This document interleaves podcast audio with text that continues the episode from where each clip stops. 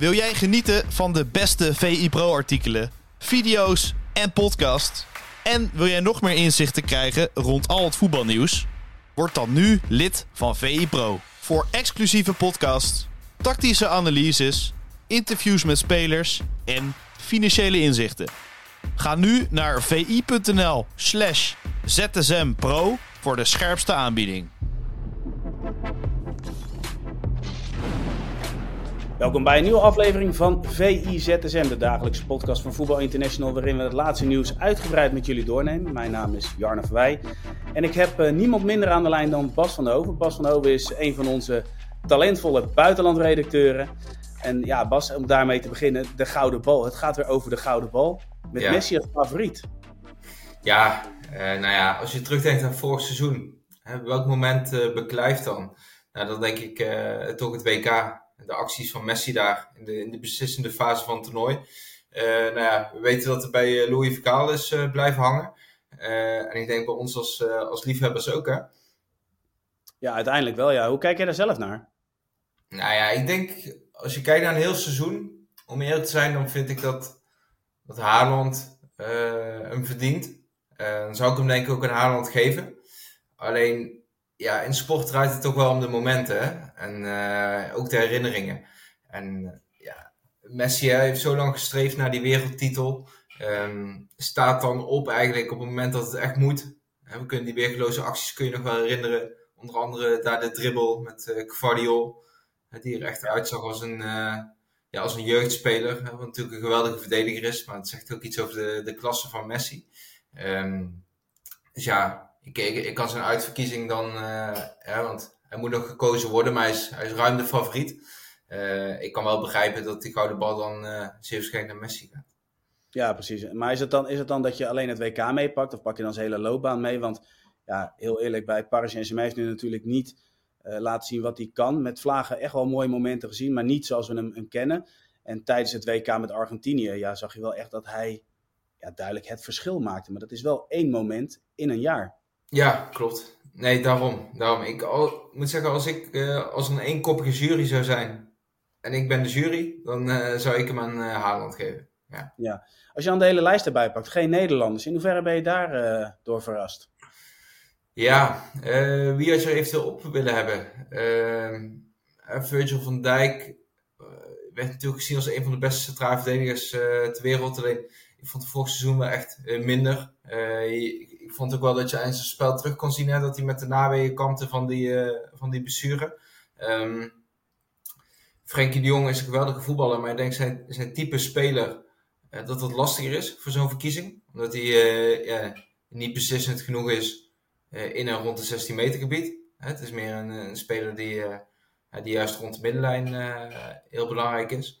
Ehm, plus ja, Barcelona. Ehm, het was knap, zeg maar, de opmars die ze hebben. De betere prestaties ook in eigen land. Alleen het, spel was niet ook strelend. Dus ja, dan komt hij ook minder snel in beeld. Ehm, ja, Ja, eigenlijk verder- zeggen we, hebben wel een aantal jongens die de potentie hebben, die er in de lijst eh, eh, zouden horen. Alleen die Ja. hebben gewoon niet goed genoeg gepresteerd in het afgelopen jaar. Nee, klopt. Ik moet zeggen, de beste Nederlander vorig seizoen vond ik eh, Nathan Arke. Als je ziet hoe hij bij City zijn plek heeft verdiend. Eh, alleen ja, dat is niet echt een speler die direct in het oog springt als je ja, een soort gala-lijst eh, gaat samenstellen. Nee, klopt. Overigens ook geen eh, Ronaldo eh, in die lijst. En wat dan wel mooi is, is het, het is natuurlijk jarenlang, wij weten niet beter sinds wij samenwerken bij Voetbal International, is dat het, eh, dat het de strijd is tussen Messi en Ronaldo. En dat dat Ja. eigenlijk de enige discussie op de redactie is van ja, wie van de twee moet winnen. En we zijn nieuwsgierig wie er eventueel derde gaat worden. Dat is eigenlijk in het kort hoe het jaar hier is gegaan. Ja, Toch is het dan wel, wel mooi om te zien van hij, hij reageert er ook op. Dat is een persconferentie eh, bij, bij Portugal. Heeft het dan over eh, zijn goede collega Messi. Niet zozeer een goede vriend, maar wel nogmaals aanduidend van ja, hoe bijzonder het is dat je jarenlang met z'n tweeën dat, dat podium eh, gedeeld hebt. ja. nou, dat vind ik ook wel mooi. Op een gegeven moment als rivalen, eh, echt legendes, zeg maar, als ze ouder worden, Ja. merk ik dat die rivaliteit met de, de eeuwige concurrent, ehm, dat die wat zachter wordt. Hè? Dat het respect eh, gaat overheersen. Dat er minder eh, sneertjes komen. Hè? En dan straalt er ook wel vanaf dat hij, dat hij jarenlang ook zelf heeft genoten van die concurrentiestrijd. Hè? Eh, in Spanje natuurlijk op een geweldige manier tegen elkaar kunnen opboksen. lange tijd. de Classico's ja, eigenlijk tot grote hoogte doen stijgen, ook als wedstrijd. als we nu een Classico zien, het is hartstikke vermakelijk en blijft een geweldige wedstrijd. Maar je mist toch wel een beetje die extra allure die er was toen Ronaldo tegenover Messi stond daar. dus ja, ik vond het wel mooie woorden van Ronaldo. En ik, ja, we hebben de laatste 15 jaar hebben natuurlijk voetbal gekeken, genietend van Messi en Ronaldo. Um, vaak werd dan ook wel de vraag opgeroepen van ja, hoe moet het verder als, het, als het minder gaat worden met die twee, of als ze stoppen. Ik vind het ook wel mooi om te zien de laatste jaren dat, dat, gewoon weer een nieuwe, dat een nieuwe generatie gewoon weer komt. Hè? Dat de wereld gewoon doordraait. Uh, dat Haaland geweldig is, dat Mbappé opstaat. Uh, Bellingham. Ben ik met je eens, Bas. Maar ik kan me niet voorstellen, en, en misschien zeg jij van, Jarno, je zit er helemaal naast. Mbappé en, en Haaland, ik kan me niet voorstellen dat de komende tien jaar dat het steeds tussen die twee gaat. Neem alleen al dat Bellingham erbij zit. En, en er komt nog meer uh, talent aan, maar daarbuiten, het is niet zo dat ze er zo ver bovenuit steken als ja, Ronaldo en Messi dat destijds deden. Nee, klopt.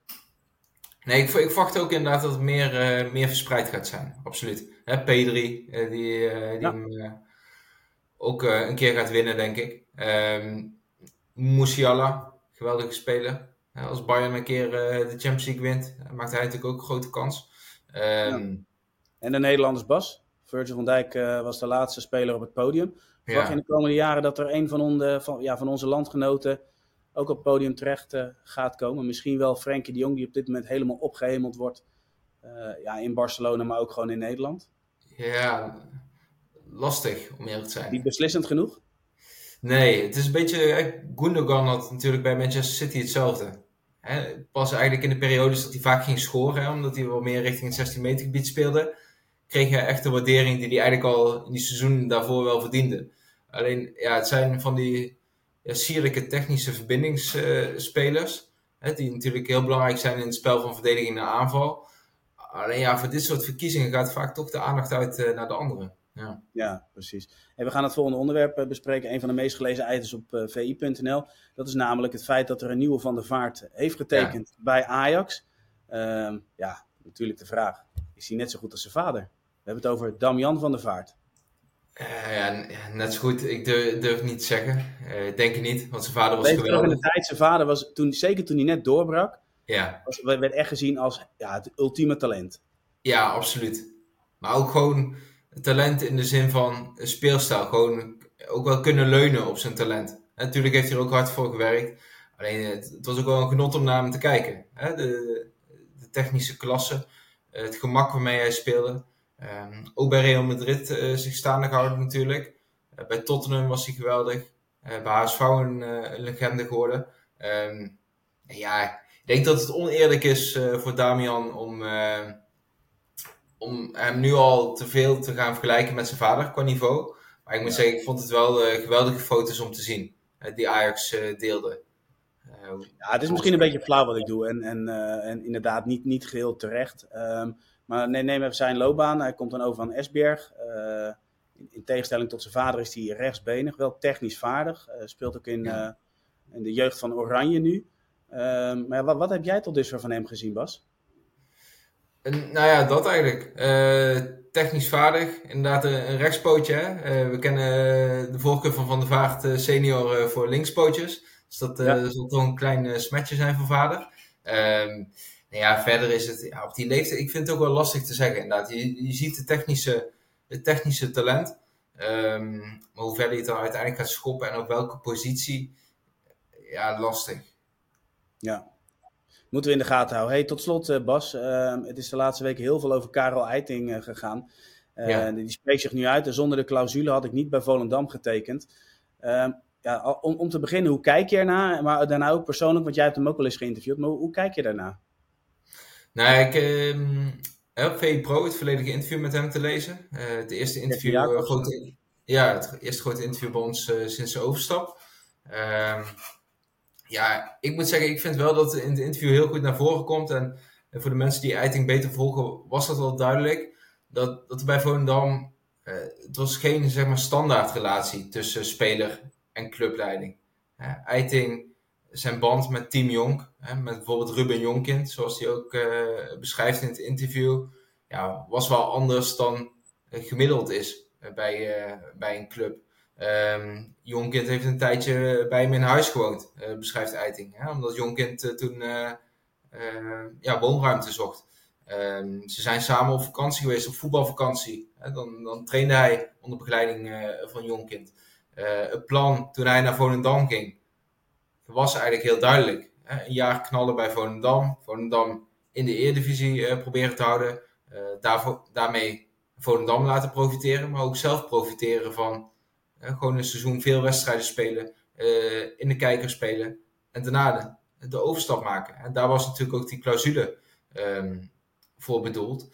ja, Volendam ehm, ik vind eerlijk gezegd wel dat Volendam in deze ook wel de, de schijn tegen heeft. Bij Mickey van de Ven toen naar Wolfsburg zagen we wel dat het allemaal heel moeizaam ging. Dat er een arbitragezaak uh, aan te pas kwam. Ik denk dat Volendam ook wel moet oppassen dat, dat je niet uh, op een gegeven moment het imago krijgt van, van die club die die spelers wel heel lastig laat gaan. Uh, volgens mij Miesling dat zei het, hè? dat Ajax ook zijn plek in de voedselketen van het voetbal moet kennen. ik denk dat voor Volendam wel hetzelfde geldt. En ik vind het voor Eiting, moet ik zeggen, wel eigenlijk sneu.